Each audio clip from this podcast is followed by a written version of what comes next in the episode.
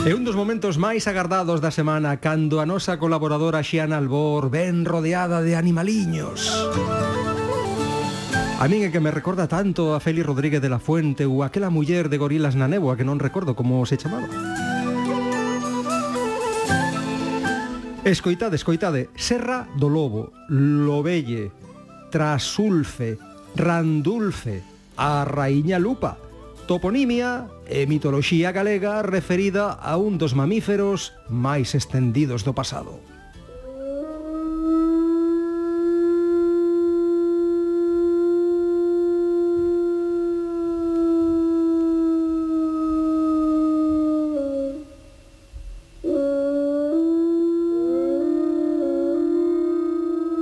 O lobo, odiado por uns, amado por outros, incomprendido por todos. Xan Albor, como estás? Moi boas tardes. Moi boas tardes, Antón. O lobo está aí por merecemento propio e forma parte das nosas vidas, da nosa tradición e cultura popular. Pois sí, é que o lobo foi no noso pasado non tan lonxano un depredador o que temer, porque camiñábamos dunha aldea a outra, non tiñamos coches protectores e o monte era máis monte do que hoxe o medo acompañaba a falta de leóns, de tigres, tiñamos lobos, e así o reflicta a nosa cultura popular, desde Carapuchiña Vermella ata os lobisomes, pasando por toda unha sorte de amuletos e crenzas para evitar rematar sendonos a presa, ou mesmo modos máis activos de actuar, como por exemplo os foxos do courel, que eran elementos na paisaxe pensados para dar caza aos lobos. Desde logo, non podo pensar nun medo máis antigo, máis instintivo, máis dentro de nós que de rematar sendo a presa dun carnívoro. É realmente brutal. O grande Félix Rodríguez de la Fuente, que ti nomeabas, Antón, mm. hai máis de 40 anos o resumía así. En el mundo del hombre, el lobo es un proscrito, un vil salteador de caminos, un bandolero al que se le ha declarado guerra a muerte. Hoxe en día guerra ou morte. ¿eh? Guerra, sí, sí, sí, a ver, Félix era moi grande, eh? as cousas como son, que ben falaba este home, era médico, cetreiro, que, bueno, non unha maravilla. Hoxe en día esta presión non é tal polo noso propio xeito de vida e tamén porque reducimos a vida salvaxe. Entón xa non temos ese medo tan visceral ao lobo, cada vez hai máis xente que o quere protexer. Así que estamos no momento perfecto para repensar e formar unha nova cultura. E onde vive o lobo en Galicia, Xiana? Pois aínda que a finais do século XIX estivo a piques de extinguirse en Galicia, e mirade que Galicia e Castela León actuaron como reductos de salvamento deste lobo que antes pois extendeuse prácticamente por todo o territorio, hoxe o lobo campea por case toda a nosa comunidade, faltando nas áreas máis desamente poboadas, e sendo máis abundante na túa comunidade non provincia, Antón, eh, Iván, en Lugo, mm, Claro, evidentemente. que me lío, co, me lío coa xeografía. E, evidentemente, claro que sí. E tamén en Ourense. Calcúlase cun xeito optimista nuns 300 lobos a poboación do conxunto do noso territorio. E non sei se vos soa que hai quen di que o lobo en, Gal en Galicia non o vea. Tedes escoitado isto? Pois non, eu non. Non? Pois din, non sei se escoi... a xente di por aí que o lobo non o vea para se protexer de nós, dos homes. Mais, unha páxina de Youtube que, que se chama Lobos de Galicia recolleu este son nunha serra hai moi pouquiño. A ver.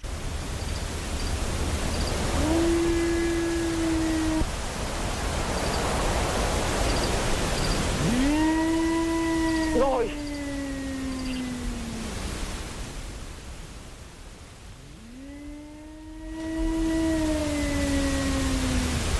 Pois aí está, nesa serra ou veo do lobo. Como vive o lobo en Galicia xana? Pois vi un pouquiño, pois en manadas, como todos coñecemos, en manadas. Ten unha parella reproductora. Mm. Eh, tamén o acompañan, isto vai variando moito, non, non é como algo pechado sempre. Pero entón temos esta parella reproductora, eses cachorros dese ano, e subadultos, algo así como adolescentes. Isto fluctúa, varía segundo o lugar onde vivan, segundo a época. Por exemplo, se están nun lugar en unha época na que se van a alimentar mm, sobre todo de poltros, xuntanse varios exemplares para batilos. E o resto do ano poden ter un comportamento mesmo similar ao dos raposos. Chegan a ser maduros sexualmente ao redor duns 22 meses, poñéndose en fiume as femias entre xaneiro e abril para unha vez fecundadiñas as lobas parir logo dun 60 días unha camada de entre 5 e 6 lobiños que estarán ben protegidos nas lobeiras a, pode ser entre mes e medio, dous meses. E onde quizáis comecen a tentar ou vear como este lobo dun centro de recuperación de fauna salvaxe un lobiño pequeno, escoitade a primeira vez que o vea Ai, que rico mañanas de comelo. o problema é que medran despois, que senón... Claro, Ai, na casa. Agora. Que gustazo telos. Sí, sí, sí, sí. sí. Ui, dan ganas de comelos. Mm. bueno, dicías que era a primeira vez que uveaban, non, estes cachorriños. Ajá. Uh -huh. Uh -huh. Bueno, hai un par de semanas, non sei se o recordas ti tamén, Iván, estivemos aí a falar dos cabalos bravos con, con sí, Xiana, sí, sí. e de como protexen dun xeito indirecto o gando vacún dos ataques do lobo. Cal é a relación besta-lobo nos montes galegos, Xiana? É que eh, temos aquí un equilibrio ecolóxico precioso, un, un, un tema de estudo, de verdade. Seguro que vos soa que sempre se fala do, do lince, do coello, no mm. sur da península, pois nós aquí temos outro tremendo equilibrio ecolóxico precioso. A ver, o poltro do cabalo, do cabalo bravo, da, da besta, é a presa preferida polo lobo. Aos adultos non os ataca, en parte porque non pode, porque un, unha besta é unha tochada. O que sí pode alimentarse das carroñas dos adultos cando xa teñen morto. Un poltro grande tamén vai ser difícil matalo, por exemplo, Felipe Bárcena, que é un zoólogo viguese, unha das persoas que mellor coñece o lobo en Galicia, leva 44 anos estudando, Pois Felipe básase na súa ampla experiencia para asegurar que o lobo caza os poltros pequenos e, e remata co mito de que o lobo pode matar cabalos adultos ou mesmo poltros grandes. Aquí o explica moi ben. E, e non he visto nunca unha... Eh, sí devorados, porque claro, eh, estos, los garranos tienen una vida media de 24 años aproximadamente y claro, hay una renovación anual pues de un 4%, o sea, quiere decir que todos los inviernos un 4% de, como mínimos eh, se mueren, con lo cual se alimentan de las carroñas. Pero el hecho de que se coman las carroñas no quiere decir que los hayan cazado, ni, ni mucho menos. Uh -huh. E cal é esta relación, entón? Xa falábamos outro día importancia que teñen as nosas greas de cabalos bravos nos montes. Entón, a relación indirecta sería que cando hai esas greas de cabalos bravos, o lobo non vai atacar o gando vacún porque xa vai ter estes, mm, estas bestas para se alimentar delas. Entón vai exercer menos presión nos gandeiros de vacún.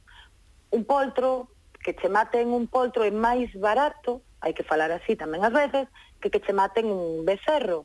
Entón, os gandeiros quedan, digamos, que un pouquiño máis agarimados, non van ter esas perdas económicas grandes como cando atacan o gando vacún, e o lobo vai quedar de outro xeito alimentado.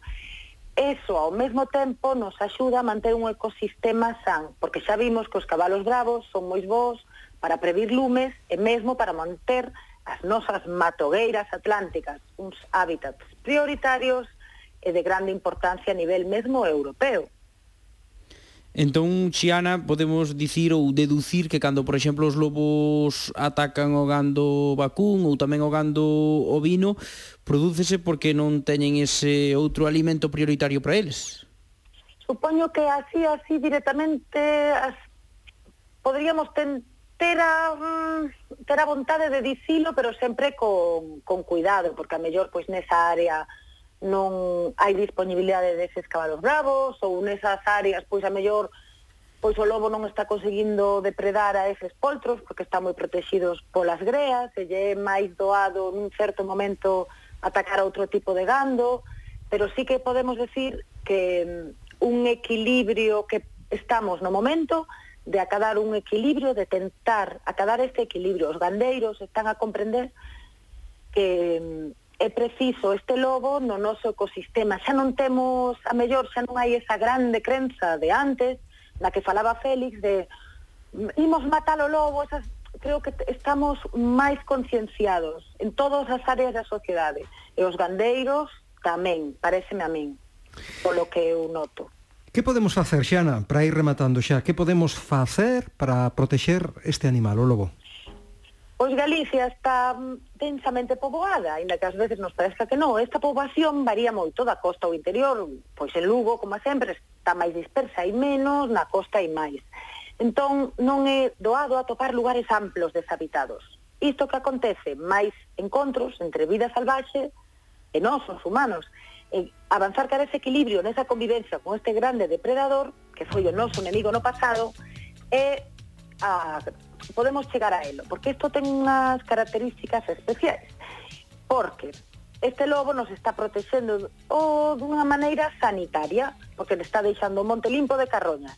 E para protexelo podemos, por exemplo, aprender sobre el, informarnos, escoitar, escoitar as conclusións dos científicos, como Felipe Bárcena, pero tamén as preocupacións dos gandeiros, os que sofren os ataques, mesmo dos cazadores, sen estigmatizar, sen poñer etiquetas temos que protexer os besteiros e o modo de vida da xente do rural e comprender tamén que a administración pode facer cousas, pero que nós temos a chave para protexer a, natura, a natureza. Por exemplo, rematando dun xeito indirecto, estamos a conservar o lobo, seguimos a modo nas estradas onde hai cabalos bravos, evitamos accidentes que compliquen a vida dos besteiros. Podemos consumir e valorar a carne de poltro criado no monte, apoiar artesáns como Rubén Caramés, anotade este nome, Rubén Caramés, que traballa coas crins que cortan na rapa das bestas desa